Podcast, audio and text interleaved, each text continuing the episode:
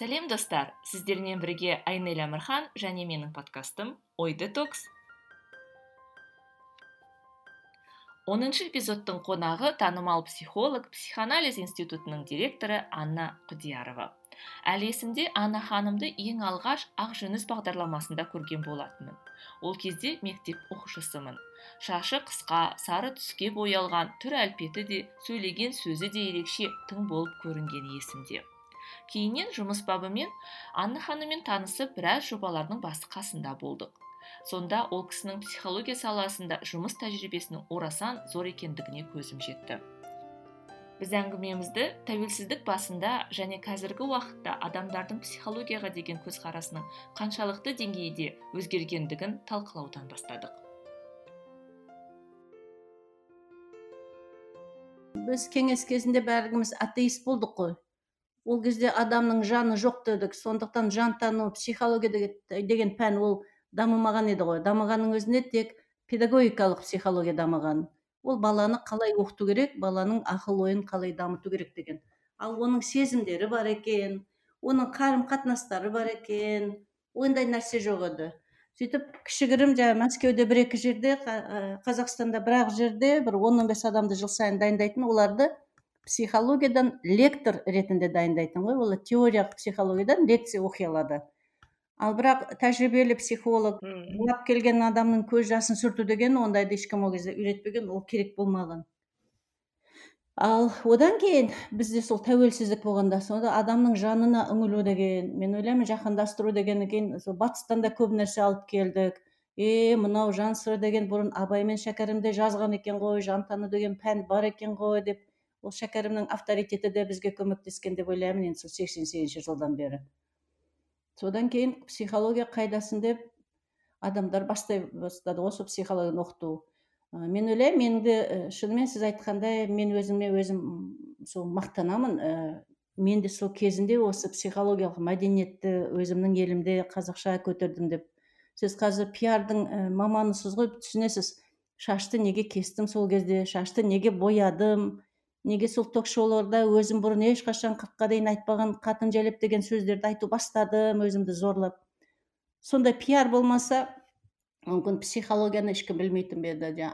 Ханым мырза деген сөздерді де ол өзіме де бір тұрпайы бір үйренбеген сөздер еді. Бірақ сол сөзді де қосып жібердім. Орысша шыққанда да қосып жібердім. Сонымен әйтеуір жаңағы тәуелсіздікке өзіміздің бір қазақи бір иісті енгізген шығармын сол психологиялық. Қозғалысқа. Ал енді бірақ ә, теориялық психологияны осы клиникалық психологияны оның ішінде психоанализді дамыту ол менің кейінгі мақсатым болып кетті ғой. Бірінші жалпы психологияға әйтеуір адамның ә, назарын аудару керек еді. Сол менің міндетім тарихи миссиям орындалды. Не дегенде мен соңғы кездері неше түрлі хат аламын ғой. Апай ақжүністе сонда мен үшінші класста едім апай мен алтыншы класста едім. Апай мен сегізінші класста едім сөйтіп біреу жазады бүкіл отбасы болып тыңдайтын едік дейді. Біреу жазады әкем қарсы еді ой мынау тағы да сары шашты ма? Өшіріп таста деп айтатын еді сөйтіп мен тығылып көретін едім неше түрлі әңгімелер. Ал енді дәл осы соңғы жылы әсіресе карантиннің кезінде сол ә, менен бір рухани бір қолдау алған қызығушылықты алған адамдар қазір маған супервизант болып жатыр. Енді бір елу алпыс адам қазір менің супервизиялық тобымда жүр. Солардың көбісі жақында біреу айтқандай апай сіз маған ван лав фореверсіз ғой деп. Сол жаңағы әңгімесінің біреуі сондай кішкентай бастап мені жақсы көрген соған енді енді жетті ғой. Бірақ енді ол менің шәкіртім ретінде енді менің әріптесім ретінде сол клиенттерді қалай қабылдау керек адамдарға қалай ем жүргізу керек соны үйреніп жатқандар соған мен ойлаймын қазір бізде психологтардың саны жетіп тұр. Кезінде сол жиырма жыл ма сол екі мыңыншы жылдары әйтеуір бір улап шулап сол бір қаламызда бір он он бес психолог бармыз ба сол кезде мен ректор едім ол кезде. Әйтеуір есімде бар неше түрлі бір съездерді өткіздік конференциялар өткіздік біресе президентке біресе министрге деп неше түрлі хаттарды жаздық. Сол хаттардың нәтижесі ақыры улап шулап әрбір мектепке бір бір психолог бер деп айтқанбыз ғой. Сол шынымен де бір бір психологты бір бес жүз оқушыға бір психолог. Енді қазір ол мәлім болып жатыр ол 500 ә, психологқа алтын басты психолог ой шәкіртке алтын басты психолог болғанса да ол жетпейді. Енді сол санынан енді біз сапасына өтуіміз керек қой.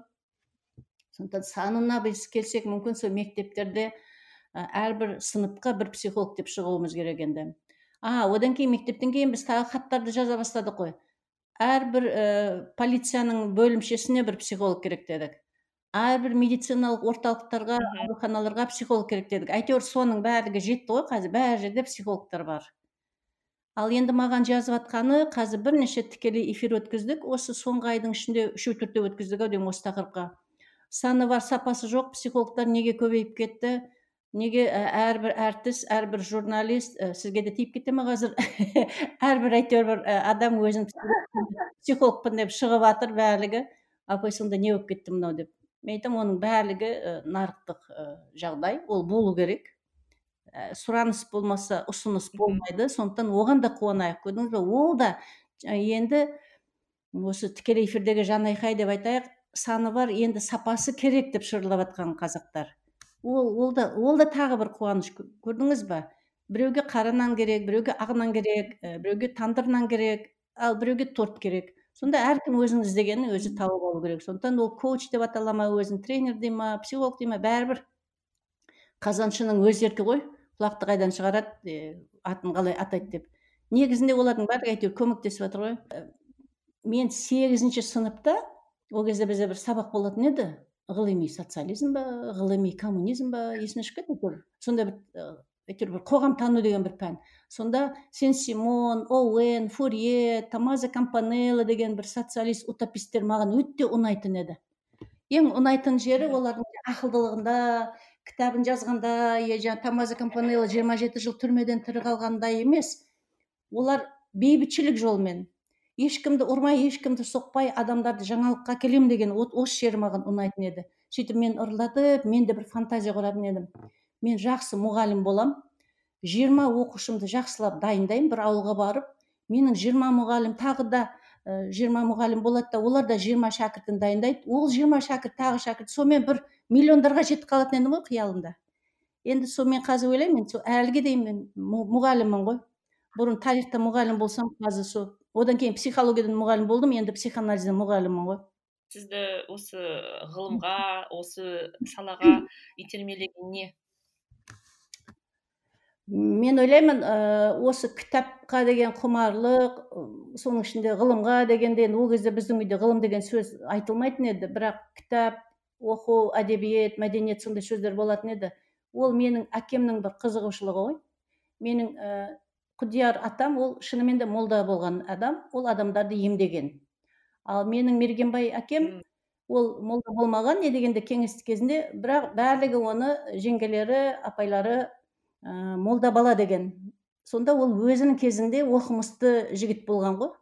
Мамам сөйтіп соны таңдаған ғой. Мамам мен өзі оқыған бірақ мына енді молда бала мұғалім бала ол жақсы бала деп әйтеуір сөйтіп екеуі қосылған.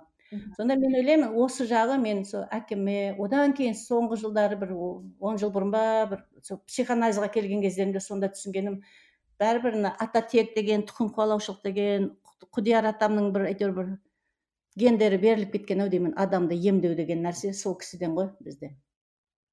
Кім білсін кеңес кезі болмаса папам да сол молда болып кететін бе еді шынымен молда. Бұл әшейін ат, атағы молда ғой мұғалім болған кісі. Анна ханым біз қазір қандай кезеңде өмір сүріп жатырмыз былай қарасаң пандемия иә оқшаулану мәжбүрлі оқшаулану дейміз. Экономикалық қандай да бір мәселелер болсын десек те енді бір өтеді де кетеді нәрсе сияқты. Ол біздің бір психикамызға қандай да бір әсер бермейтін сияқты. Бірақ ойлана келсең бәрібір де оның бір ә, салдары болады ғой. Біріншіден мен сізбен онша келіспеймін бұл өтеді де кетеді деген нәрсе. Білмеймін ғой әйтеуір неше түрлі соғыстарды алсақ та иә соғыс өтті кетті. Бірақ ол біздің жадымызда қалды емес па біздің тарихымызда қалды емес па ол әрбір осындай бір ә, қызық кезең ауыр кезең ол адамның есінде қалады ғой. Ол бүкіл халықтың бір тарихында қалатын нәрсе. Сонда мен ойлаймын бұл карантин деген нәрсе пандемия деген нәрселер бұл бір күндік екі күндік болып жатқан жоқ бұл бірнеше айға тағы ендігі жылдың көктеміне дейін созылады деген ойлар бар. Сонда бүкіл халықты адамзатты бір жаңа психологияға үйретіп жатқандай ғой байқайсыз ба өзіңіз? Қазір мен айтатын едім адамдар бұрынғымен салыстырғанда бір мейірімдірек бір жанашырлықты көбірек көрсететін болған сияқты. Әрине оның ішінде бір нарықтық ә, қызығушылық та бар шығар бірақ ютубты ашсаңызшы инстаграмды ашсаңызшы тегін тегін тегін үш күн тегін үш сағат тегін бір апта тегін сонда адамдар қазір біріне бірі көмектесіп жатыр мен мысалы осы жағдайға қуанамын. Не бір әрбір нәрсенің әрбір құбылыстың жақсы жақтары жағымды жақтары бар ғой. Сонда осы карантиннің жағымды жағы осы адамдар бір біріне қол ұшын тегін әйтеуір созып бір біріне көмектесіп жатыр одан кейін екінші жақтан осы карантин кезінде адамдардың психологияға деген қызығушылығы психологиялық көмек қажет деген күрт өсіп кетіп жатыр қазір мен сол шәкірттеріме айтып жатырмын неге қазір сендер дайындалуың керек? Қазір адамдардың саны көмек іздеп жүрген адамдардың саны күрт өзгереді көбейеді. Сондықтан сіз дайын болыңыз сіз дайын болыңыз. Оларға орысша қазақша ағылшынша көмек беріңіздер деп. Сондықтан менің шәкірттерім қазір сол мүлдем орысша білмеймін дегендер де қазір орысша бастап жатыр. Орысша білгендер енді ағылшынша іздеп жатыр. Сондықтан біз дамытып жатырмыз. Сан жағынан да сапа жағынан да. Мен ойлаймын барлық нәрсе жаман емес. Көрдіңіз бе сол соғыс қиямет қайым соғыс болғанның өзінде де адамдар бір бірін жақсы көрді. Махаббат ғашықтық деген нәрсе жойылып кеткен жоқ. Ол кезде де неше сюжеттерді білеміз ғой. Қазақтар орыстарға көмектесті орыстар немістерге көмектесті немістер татарларға көмектесті. Әйтеуір біріне бірі көмектесіп жатыр ғой. Ана кавказдан келген елге біздер көмектестік дегендей. Олар әліге дейін сол есінде. Сонда мен ойлаймын көп осы ұрпақтан ұрпаққа сол пандемия кезінде анандай анандай жақсылықтар болған еді деп осы жақсы нәрсеге есте қалатын шығар. Әрине жаман жағы да бар бірақ жаман жағына да көрдіңіз бе тағы да психологтар керек болып тұр ғой. Үрей қорқыныш аурудан қорқу адамдардан қорқу өлімнен қорқу осы қорқыныштардың барлығын түсіндіру керек қой адамға. Өлмейтін адам жоқ иә? Өлімсіз тек шайтан ғана. Біз барлығымыз шайтан емеспіз. Сондықтан бірақ соған саналы түрде дайындалу керек қой. Қазір сақтасаң сақтайсың дегендей.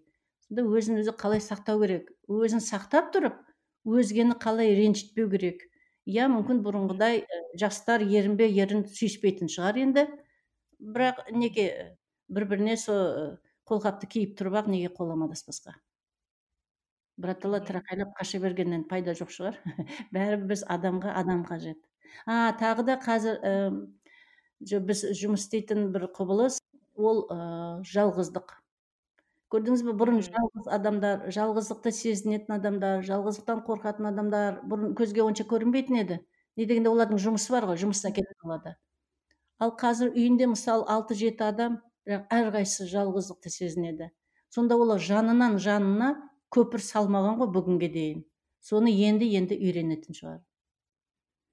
Енді ол да тағы мәлім осы оқшауланған кезде мысалы бір кішкентай ғана пәтерге бір бөлмеге үш төрт адам болсын бес алты адам болсын жиналып қалған кезде әрине дау дамай да көбейіп кетеді. Мен қазір бір отбасы нақты алып жатырмын. Бір отбасыда қазір бір майда балдарын қосқанда енді он шақты адам.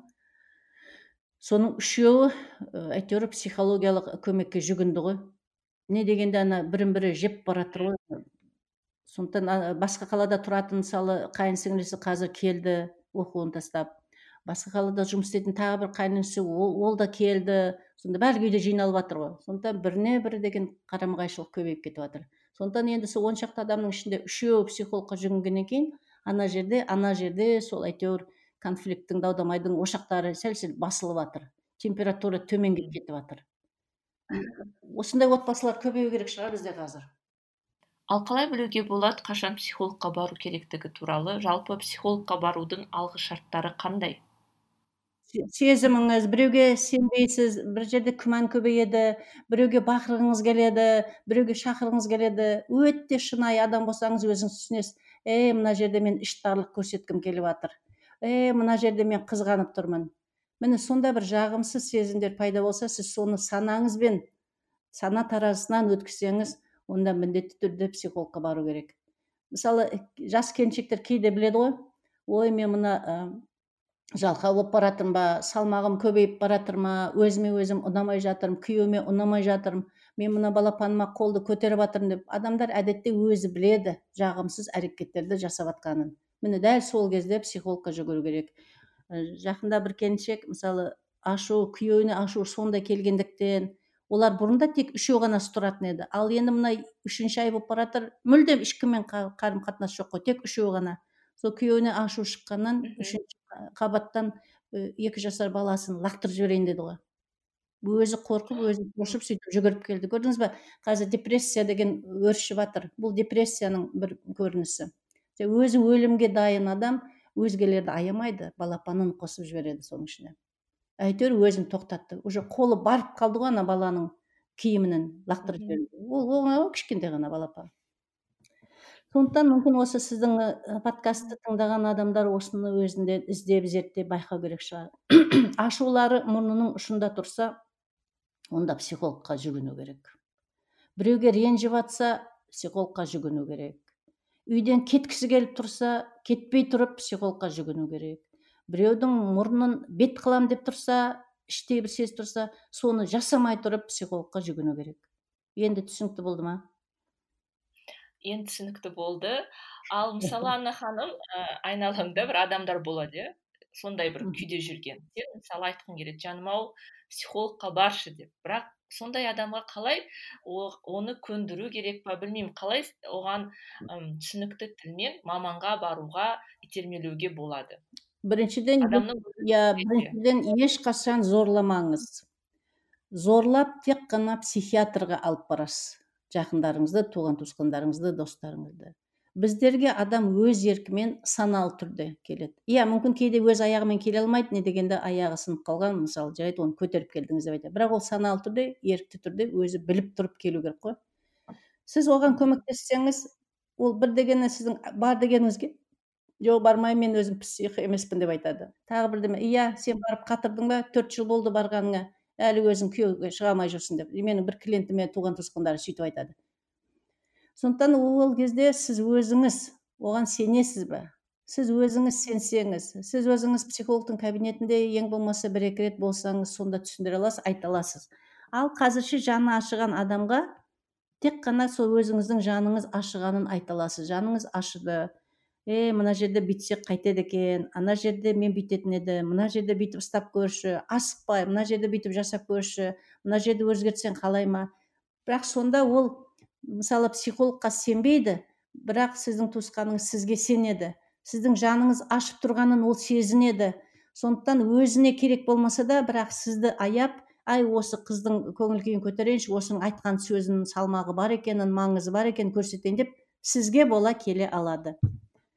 Ә, маған көбінесе енді әйелдер келеді қыздар келіншектер келеді ғой. Солар ә, ренжіп келеді. Мысалы айтайық жұбайына ренжіп келді. Сонда қалай енді жұбайын менің кабинетіме ертіп келу керек? Жүр деп айтса тікелей ой сен өзің жындысың мен жынды емеспін бармаймын сенің анна ханымыңа деп шығады. Содан айтамын сіз өйтіп айтпаңыз сіз жынды деп айтпаңыз ол кісіні. Сіз айтыңыз анна ханым сізді шақырып жатыр мен жынды екенмін мен сол үйде қандай жындылығым бар? Мен үйде қандай іс әрекет жасаймын? Мен білмейтін шығармын. Сен көмектесші маған деп. Сонда ол өзі жынды емес бірақ әйелі жынды. Сол жынды әйеліне көмектесу үшін еркектер біраз еркектер менің кабинетімде солай пайда болады. Осылай техникамен осындай әдіспен түсіндірсеңіз болатын шығар. Кейде аналар келеді жылап жасөспірім ұлдары мысалы он төрт он бес ол әжептәуір жігіт қой оны күштеп әкеле алмайсың. Иә бес жасар баланы жетектеп әкеле бересіз. Сонда сол ұлдарына да кейде студенттер жиырмаға келіп қалған студент ұлдарына ол ұлдарына дәл соны айтады. Мен ұлым мен қиналып жүрмін мен қазір психологқа барып жүрмін сол психологқа біраз мәлімет керек екен. Сол сенің көзіңмен мен үйде өзім қалай іс әрекетім сөздерім қалай қылығым қалай? Маған көмектесші барып психологқа осыны түсіндіріп берші деп. Ол негізі сол үйтіп бүйтіп маған келу керек қой. Иә ол манипуляция бірақ педагогикада білесіз манипуляция бизнесте манипуляция ол өте керекті нәрселер. Мына жерде де ол жүз пайыз алдап тұрған жоқ. Не дегенде ол ұлы келе ма күйеуі келе ма келгеннен кейін үшеуміз өзара әңгіме құрамыз да сол жерде көп нәрсе пайда, пайда болып қалады ғой. Мысалы бір отбасыда келіншегі сөйтіп келді де одан кейін келіншегі үйінде қала берді. Ал керісінше алты жылдан бері оның күйеуі маған келіп жүр. Аптасына үш рет. Енді сіздің ұзақ жылғы тәжірибеңіз бар. Жалпы сізге келетін адамдардың проблемалары сұрақтары бұрынғымен салыстырғанда қазір өзгерді ме? Негізінен өзгермейді. Не дегенде адамның жанының ұлты жоқ жасы жоқ жынысы жоқ мәдениеті жоқ. Қазақтардың жаңағы шыбын жаным дейді ғой. Сіз шыбынға қарап ол ұл ма қыз ба айта алмайсыз ғой үлкен ба кәрі ма деп. Сондықтан негізінде ешқандай нәрсе өзгермеді. Бірақ кішігірім әрине өзгереді. Мысалы біз қазір медиктерге тегін көмектесіп жүрміз ғой. Әрине иә. медиктер yeah. медиктер сол ковидтен бастайды ғой карантин инфекциядан. Сондай сөздерден бастайды. Бірақ ар жағына келсек бастығына ашу ол баяғыдан бар. Күйеуіне ашу баяғыдан бар. Балаларына деген үрейлену ол баяғыдан бар нәрсе болып шығады. Тек ана бір бастапқы нәрсесі орамалы деп айтайық. Сәл өзгеретін шығар бірақ негізгі киімі дәл сол киім. Енді тағы не көбейіп жатыр бұрын маған бірең сараң хиджаб киген орамал ораған қыздар келетін еді.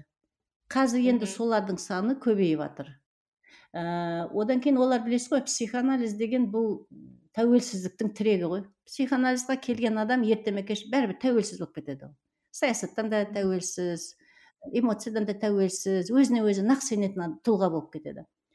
Сондықтан ә, менің ойымша сол 15 жыл бұрын адамдар жаппай дінге жүгіріп кетті. Не дегенде тәуелсіздік ара ура ура деп қабылдадық та одан кейін идея болмай қалды идеология болмай қалды. Қай жаққа адамдар әлсіреп қалды.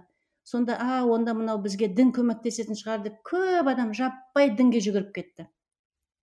Енді 15 жыл өтті мен ойлаймын солар діннен іздеген жауаптарын таба алмады. Сонымен қайтадан бет бұрып ғылым жағына психоанализ жағына психология жағына қайтып келіп жатыр ау деп ойлаймын.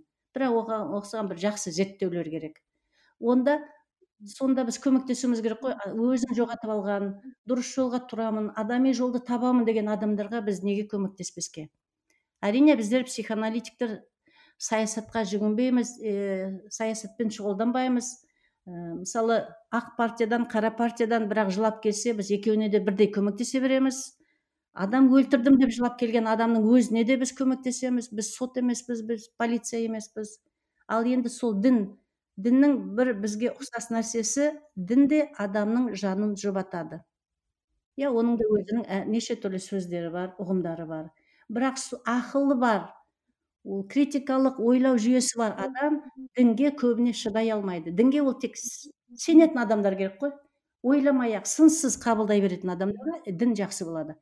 Ал мысалы математиканы жақсы көрген логиканы жақсы көрген финансты бітірген адамдар дінде өзінің түпкі бір сұрақтарына жауапты таба алмайды. Оларға логика керек оларға салдары мен себептері керек. Ал ол жерде тек сене бер тек сене берген деген болмайды. Одан кейін қазақтар бәрібір абайды шәкәрімді оқыған ғой. Абай мен шәкәрімде осы негізгі анық идеясы бар ғой. Бірінші санаңның таразысынан өткіз. Ақылыңмен сену керек деген. Сол ақылымен сене алмаған адамдар қайтып келіп жатыр онда біздер ғалымдар ғылымға бір бір табан жақын адамдар біз дайын болуымыз керек. Сол қайтып бұралған бет бұрған адамдарды біз қабылдап алуымыз керек. Иә бізге керексің деп. Бұрындары бізге оралман деген кісілер көбірек келетін еді. Олар өзін бір екінші сот деп санайтын еді. Бізде оларды сол менсінбей жоғарыдан төменге қарап қабылдайтын едік. Қазір сол оралман мәселесімен келетін адамдар есімде жоқ соңғы кездері. Бұл екі жыл үш жыл төрт жыл болған шығар. Сонда мен ойлаймын сол қарама қайшылық қазір азайған шығар. Енді жиырма жылдың ішінде ол жаңа ұрпақ қой. Елу жылда емес бізде жиырма жиырма бес жылда жаңа ұрпақ. Сонда кіп кішкентай нәресте болып келген қытайдан келген монғолиядан келген адамдар қазір енді өздері студент болып бітіріп үйленіп жатыр. Олар енді біздің иісті иіскеп қалғаннан кейін олар өздерін жергілікті халық деп санап жатыр ал олардың әке шешесі енді олар зият ә, зейнеткер болғандықтан олар үйінде отыр. Сондықтан мүмкін осы дау дамайлар да бұрын оралманмын деп айтуға ұялатын адамдар қазір үндемейді. Не дегенде олар бәрі алматылық болып кетті қазақстандық болып кетті. Мен ойлаймын сол да бір жаңағы сіз сұраған тарихта осы соңғы жиырма жылда менің кабинетімде кім келді кім кетпеді не өзгерді дегенге осы да бір мысал шығар. Журналист мади мәмбетов өзінің психологын тапқанша бірнеше психологиялық кабинеттердің табалдырығын тоздырдым деп айтқаны есімде. Жалпы шын мәнінде өз психологыңды қалай табуға болады? Оның дипломына қарамайтын шығарсың? Жоқ жиырма жылда маған апай дипломыңызды көрсет деген бірде бір адам болған жоқ қой. Оларға менің дипломым не қажет? Оларға менің айтқан сөзім берген кеңестерім қажет емес па біріншіден ол қазақшаға жақсылап аудару керек шығар орысша сөз анализабельность. Сіздің өзіңіздің ішкі қасиеттеріңіз керек. Сіз соны өзіңіз ішкі талдау жаныңызды талдай аласыз ба? Өзіңіздің әрбір ойыңызды ширата аласыз ба? Сондай қасиетіңіз сізде бар ма? Оны өзіңіз білесіз ба білмейсіз ба? Бірақ барғанда мамандар сізге оны міндетті түрде айту керек. Иә сіз менің мына әдісіме келесіз сіз менің әдісіме келмейсіз деп.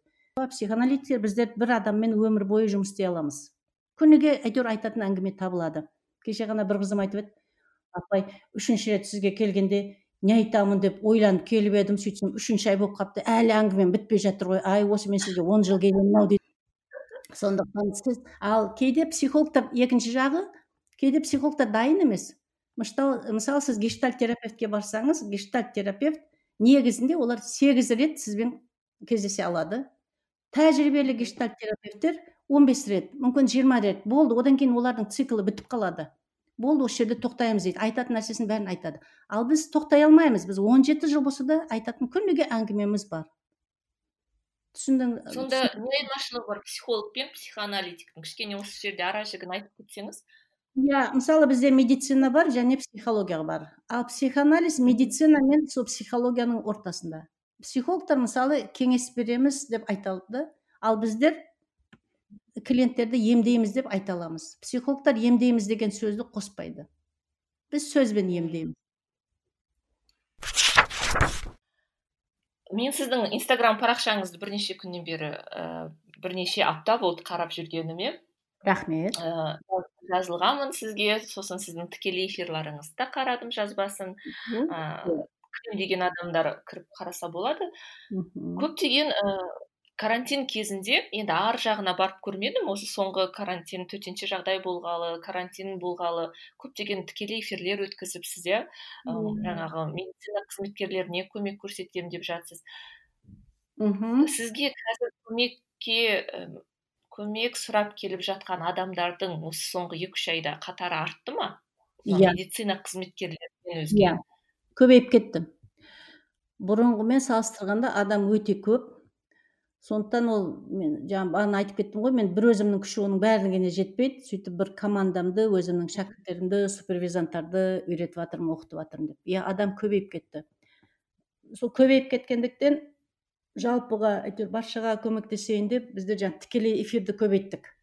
Не дегенде біреудің алыс тұрады біреудің ақшасы жоқ біреу тағы бірдеме әйтеуір жаңағы бізде қайырымдылық бізде жақсы адамбыз деп тегін жұмыс бізде қазір көбейіп кетті. Сондықтан саны да сапасы да иә бұрынғымен салыстырғанда адамдардың саны көп. Ол бағанағы мен айтқан адамдардың психологиялық сауаттылығының көтерілгені. Екіншіден бәрі бұл оқшалану карантин пандемия бір қорқынышты нәрселер ғой бұрын болмаған нәрселер. Сондықтан үрейленген адамдар да жүгіріп жатыр бізге әйтеуір көмегін көмек көрсетіңіздерші деп. Кейде қуанамын бір алыс алыс бір шалғай ауылдардан бір адамдар әйтеуір хабарласады ғой. Мен оған көтшілік қуанамын ғой. Міне шалғай шалғай ауылға да осы психоанализдің иісі әйтеуір барып жатыр ғой деп. Сондықтан өзіне өзі көмектесе алады. Психологты іздеген адам ол өзіне өзі көмектесе алады деген адам ғой саналы түрде. Бірақ енді барлығы жүз пайыз адамдар психологияны іздеп жүрген деп айта алмаймын. көпшілік адам ә, жаңағы сіздің таныстарыңыз ой мен өзіме өзім психологпын дей салады. Сонда олар біздердің психологтардың психоаналитиктердің жұмысымызды менсінбей кемсітіп жатқаны ғой. Кейде олардың өзінің мәдениеті жетпей қалады кейде олардың қалтасы жетпей қалады. Сондықтан онда бізді жамандату керек қой. Ана білесіз ғой крыловта бар эзопта бар. Ой ана жүзім ба? Бойы жетпегеннен кейін фу көккенбек әлі ащы жүзім екен деп менсінбей кеткендей болады. Бірақ шынына келгенде оларға керек болып тұр ғой сол жүзім психологиялық жүзім. Мысалы инстаграмда қазір не көп ә, сіз айтқандай коучтар көп психологтар бар. Менің мамам айтпақшы бәрі инстаграмды ашсаң бәрі ақылды ақыл айтады дейді. Сол сияқты сол сынды психологтар көп. Мысалы сіз оларға қалай қарайсыз? Мен енді білмеймін ол кісілердің психологиядағы білімдері бар ма? Бірақ түрлі ағымдарды алға тартады да. Былай тыңдасаң құлаққа қонымды ақылдар айтады кеңестер береді. Иә. Ол болу керек. Жүзден жүйрік мыңнан тұлпар. Сондықтан неше түрлі жүздеген мыңдаған коучтар психологтар тренерлер барлығы болу керек. Ең болмаса мен айттым ғой бағанағыда әйтеуір бір адамның көзін жасын тыйса оның өзі жақсы. Бірақ ол шынымен де жақсы нәрселерді айтады. Ал біздің ерекшелігіміз сондай сөздерді айтудан алдын біз 600 сағат өзіміздің жеке тұлғамызды зерттеп жеке психоанализден өтуіміз керек. 600 сағат дегеніңіз бұл 5-6 жыл. Аптасына үш рет төрт реттен кушеткада жатып өзімнің қыр сырымды бәрін біліп алуым керек. Ана күйеуіме неге ренжідім мына бір жерде балдарыма неге ашуландым ана әріптесіммен неге айтысып қалдым мына бастығыммен неге тілдесіп қалдым соның барлығын өзім білсем ертең маған көмек сұрап келген клиентке егжей тегжейін мен түсіне алғаннан кейін мен оған жақсылап сапалы көмек көрсете аламын. Жаңалардың саны бар енді ол кісілердің сапасы болу керек. Ол енді әркімнің өз бойындағы өз міндеті ғой. Көрдіңіз ба біреу балабақшаға барады біреу мектепке барады. Болды мектептен кейін олар ешқандай оқымайды. Мектептің өзінде 11 сынып емес тоғыз сыныппен тоқтап қалады. Одан кейін кейбіреу колледжге барады кейбіреу университетке барады. Соның барлығына әртүрлі психолог керек қой әртүрлі деңгейде. Ал менің психоанализім бұл психологияның шыңы деп айтайық. Ә, бұл ой өрісі дамыған адамдар ғана барады. Мысалы бакалавриатқа айтайық бізде жыл сайын бір үш жүз мың ба жарты миллион ба адам барады қазақстан бойынша. Магистратураға мүлдем күрт төмендеп кетеді ғой магистратураны іздеген. Ал докторантураға ол біратала адам аз. Сонда көрдіңіз ба кімге докторантура керек? Ол бізге психоанализға келетін шығар. Шынымен де менің клиенттерімнің арасында магистратураны бітірген адамдар зерттеп көрсеңіз өте көп. Сонда оларға тар олар ана ә, білмеймін ғой аты бар заты бар ма е, аты бар да заты жоқ па? Ондай коучтерден барлығы өтіп бітті. Балабақшаға барлығы бару керек мектепке бәрі бару керек. Бұлар бірдеме жетіспей тұрады. Сонда іздеп іздеп әйтеуір психоанализді табады бұлар. Иә біреу ресейдің психоаналитиктерін тауып алады ағылшын тілі білген ол мүлдем ары кетеді. Бірақ жергілікті халықтар әйтеуір біздің психоанализ орталығын іздеп тауып келеді ғой. Менің бір байқағаным психолог болсын психоаналитик болсын кез келген мәселенің түп тамырын балалық шақтан іздейді. Бірақ ә, мысалы осындай көмекке жүгінген адамдардың барлығы дерлік сол балалық шаққа саяхат жасауға ә, қандай да бір мәселелерді ақтаруға дайын болмай келеді де осындай психологиялық емделуден бас тартып жатады. Эрик эриксонды оқыған болсаңыз ол да сол ә, балалық шақ және қоғам деген детство и общество. Үлкен бір зерттеу бар. Сол кезде ол жаңағы сол базалық негізгі сенім ә, базалық негізгі сенімсіздік. Базовое доверие базовое недоверие. Ол өте ана тереңде жатқан сіздің бірінші 12 айлық өміріңізде жатқан түп тамырына жету керек. Ол сенімсіздікті сенімдікке алып бару үшін. Ал сонда ең кемінде сіз 30 жыл өмір сүрсеңіз біз 30 жылды археолог ретінде қазып қазып қазып қазып сол кезге жетеміз. Мысалы неше ай сіздің шешеңіз сізді емізді. Неше айыңызда ол соны тоқтатты. Сонда сегіз айда болса ол болашақтағы сіздің психозыңыз. Сегіз ай деген өте травмаға толы ай. Сегіз ай дегенде мамасы ә, өліп қалды ма ауырып қалды ма бір жерге оқуға жұмысқа кетіп қалды ма я баласы ауырып қалды ма сондай ешқандай мамасы баласы бірінен бірі ажырамау керек қой ешқандай сепарация болмау керек. Мысалы бала іші өтіп ауырып қалды түсі болып қалды білмеймін әйтеуір емізуді тоқтатып қойды. Сол жиырма жылға дейін білінбейді де бірақ жиырма жиырма бес отыз жылдан кейін сол білінеді. Сонда адамдарда психикалық ауытқушылық кейде психоздың өзі басталып кетеді. Ал оны бүгін ертең деп іздегенмен түбін таба алмайсыз. Кейде сондай а одан кейін қашып кеткендердің тағы да адамдар көбі түсіну керек. Психикалық ауытқушылықтың психикалық қиын, ә, осы аурулардың қиындығы сіздің жаныңыздың психика деген жан ғой сіздің жаныңыздың оң жағы емделемін дұрысталамын деп келеді да психикаңыздың сол жағы ауру жағы статус квоны тоқтатпайды. мен осындай ауру жүре беремін. Не дегенде бейсаналы түрде адам өзінің сол қиындығынан өзінің ауруынан бір бейсаналы ләззат алып жүреді. Иә оған жаңағы мазакист деген сөзді қосып қойса да бола береді. Бірақ соны біздің міндетіміз соны түсіндіру керек. Неге сіз осы жылап жүргенге ә, рабыня изаура күйіне неге сіз көніп жүрсіз? Неге осыдан өзгермейсіз деп соны ғана түсіндіре алсақ сонда адам менімен бірге әріптес болады. Менімен бірге өзінің патологиясына қарсы күресе алады. Енді менің айтып тұрғаным бұл психоанализ. Біз айттық қой жаңа біз емдейміз тереңіне кетіп қаламыз деп. А психологтар олар жай жара жай білмеймін ғой. Мысалы психологтарға мен клиенттерімнің әңгімесінен білемін. Жай қаладағы психологтарға барады ажыраймын анау мынау деп. Сонда кейде күйеуін де шақырады екеуін отырғызады. Тек сонда екеуінің арасындағы мәселені шешеді ғой. Күйеуің қандай әйелің мінезі қандай неге ажырассаң ажырассаң не болады ажырамасаң не болады деп. Ал біз бір деген не сіздің әке шешеңіздің жұбайлық қарым қатынасы қандай еді деп соған кетеміз. Күйеуіңіздің әке шешесінің жұбайлық қарым қатынасы қандай еді? Аналар ұрды соқты мыналар ұрды соқты онда болды ғой. Сіздің бейсанаңызда жатқан ол модель. Әке шешеңіздің қарым қатынасы сізге модель. Онда сіз міндетті түрде соны қазір қайталайсыз. Ұрасыз ұрасыз соғасыз соғасыз. Ажыраған әке шешенің балдары ұлы болсын қызы болсын ол міндетті түрде ажырауға іштей дайын болады.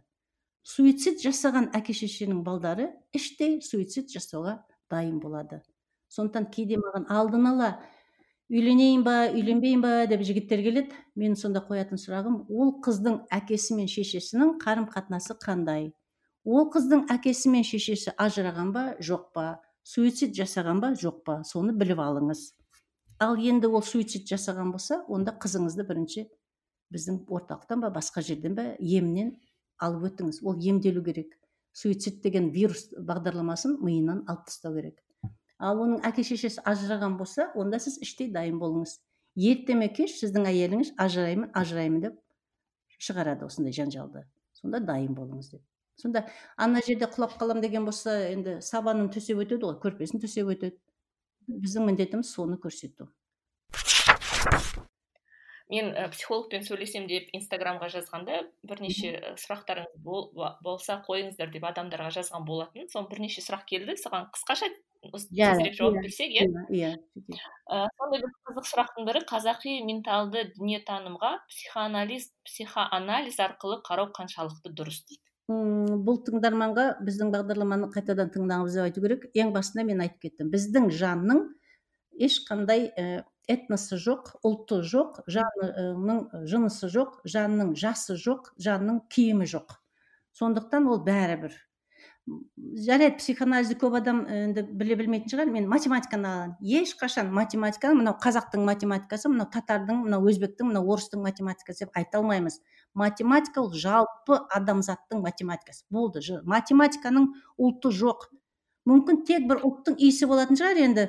Қазақстанда айдар жайдар ана үш алманы алып келді деп жазатын шығар. Ал орыстар петя метя сол үш алманы алып келді деп айтатын шығар. Американың оқулығында джек пен джен әйтеуір сол екі алманы алып келді деп айтатын шығар. Болды. Болмаса сол екі алма барлық жерде екі алма екіні қоссаң екі төрт болады ол барлық жерде. Сондықтан жанымыз да дәл сондай. Сіз араб арабсыз ба? Сіз әйтеуір бір африкада тұрасыз ба? Сіз эскимоссыз ба? Сіздің жаныңыз бірдей ауырады. Ана плюс елу болсын минус елу болсын жаныңыз бірдей ауырады жаныңыз бірдей қуанады. Сезімдердің ұлты жоқ. Сондықтан ал психоанализ дегеніміз ол сол сезімдерді зерттеу сезімдерді емдеу сезімдерді өңдеу. Білмеймін машинаны алсаңызшы машина қай жерде болса да бір машина ғой бір запчасть деп айтайық. Өзіңді қалай жақсы көруге үйренуге болады дейді?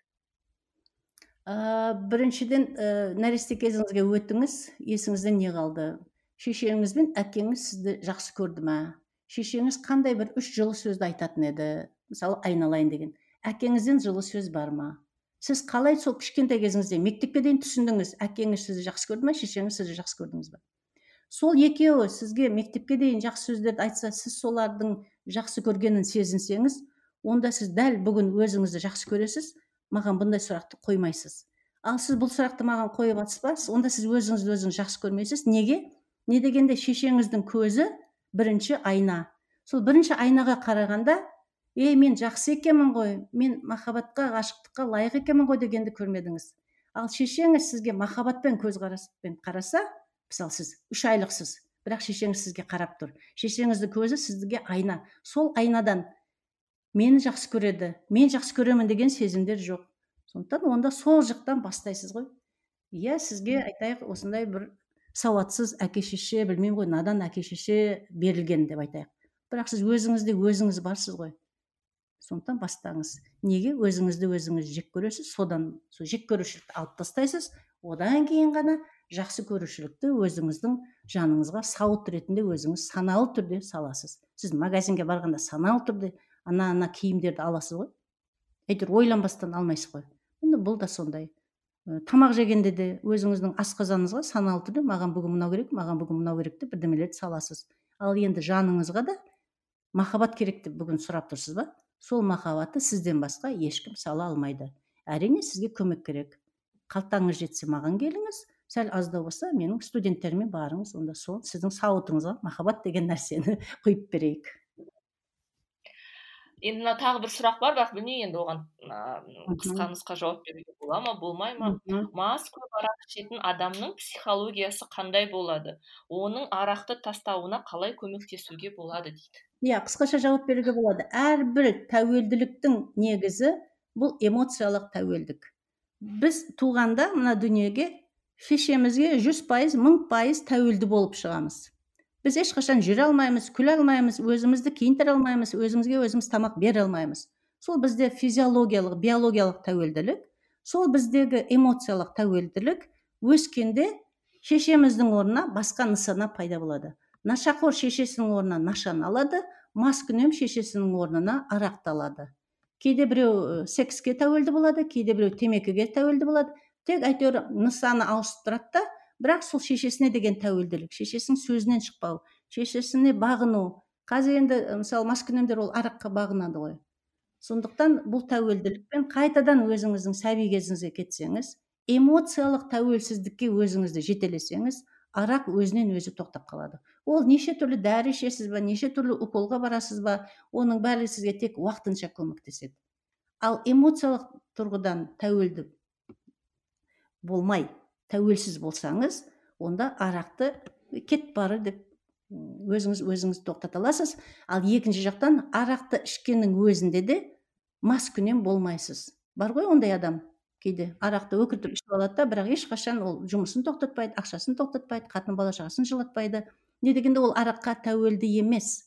Бірақ арақты бір білмеймін ғой демалыс ретінде қызық ретінде көңіл күй көтеру ретінде сондай ретінде ішетін шығар. Қысқаша жауап тағы бір сұрақ.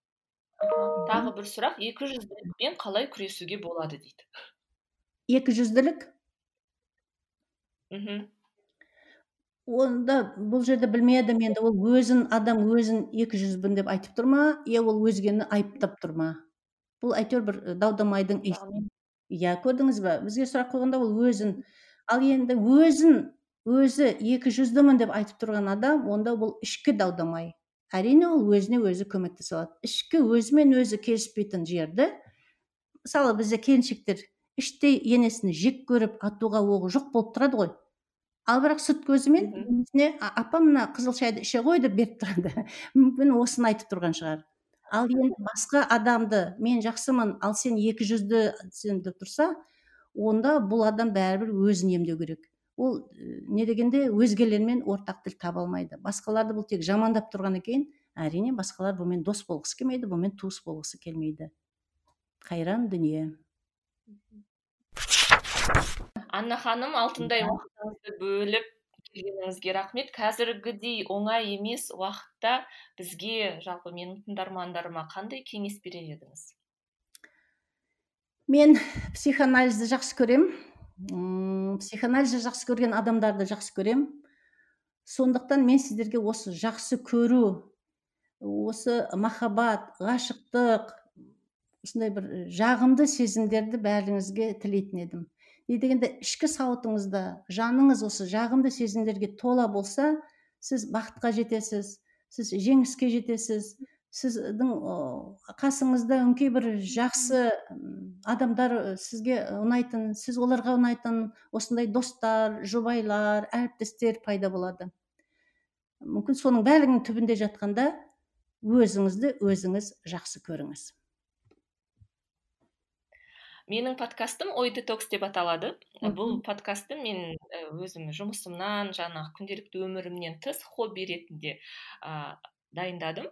Өзім жаңағы ақпарат ағымынан демалып өзіме ұнайтын адамдармен сөйлесіп жаңағы пайдасы тисін дейіп өзгелерге деп ойлаймын. Жалпы сіздің өзіңіздің ой детоксыңыз бар ма? Сізде ой детоксты қажет ететін адамдардың қатарындасыз ба ә, мүмкін қатарында шығармын. Бірақ қазір мен осы әлеуметтік желілерде негізгі бір екі құралым бұл инстаграм мен ютуб не дегенде ә, бәрібір менің жасым енді жетпіске таяп қалған кезде ол жастармен бірдей бола алмаймын ғой. Менің қазір пайда беретінім сіздер жастар үсті бәрін дайындасаңыздар а мен сіздерге келіп айтатын ойыммен бөліссем. Осы шығар сонда екеуміздің ортамыздағы бір табылатын нәрсе. Қазір соңғы жерде сол инстаграмнан байқасаңыз неше түрлі психологтар жаңа елу мың подписчиктері бар бір жарты миллион подписчиктері бар солар кейде кейде жазады апай менімен бірге тікелей эфирге шығыңыз деп. Құба құп деп қуанып қуанып шығамын.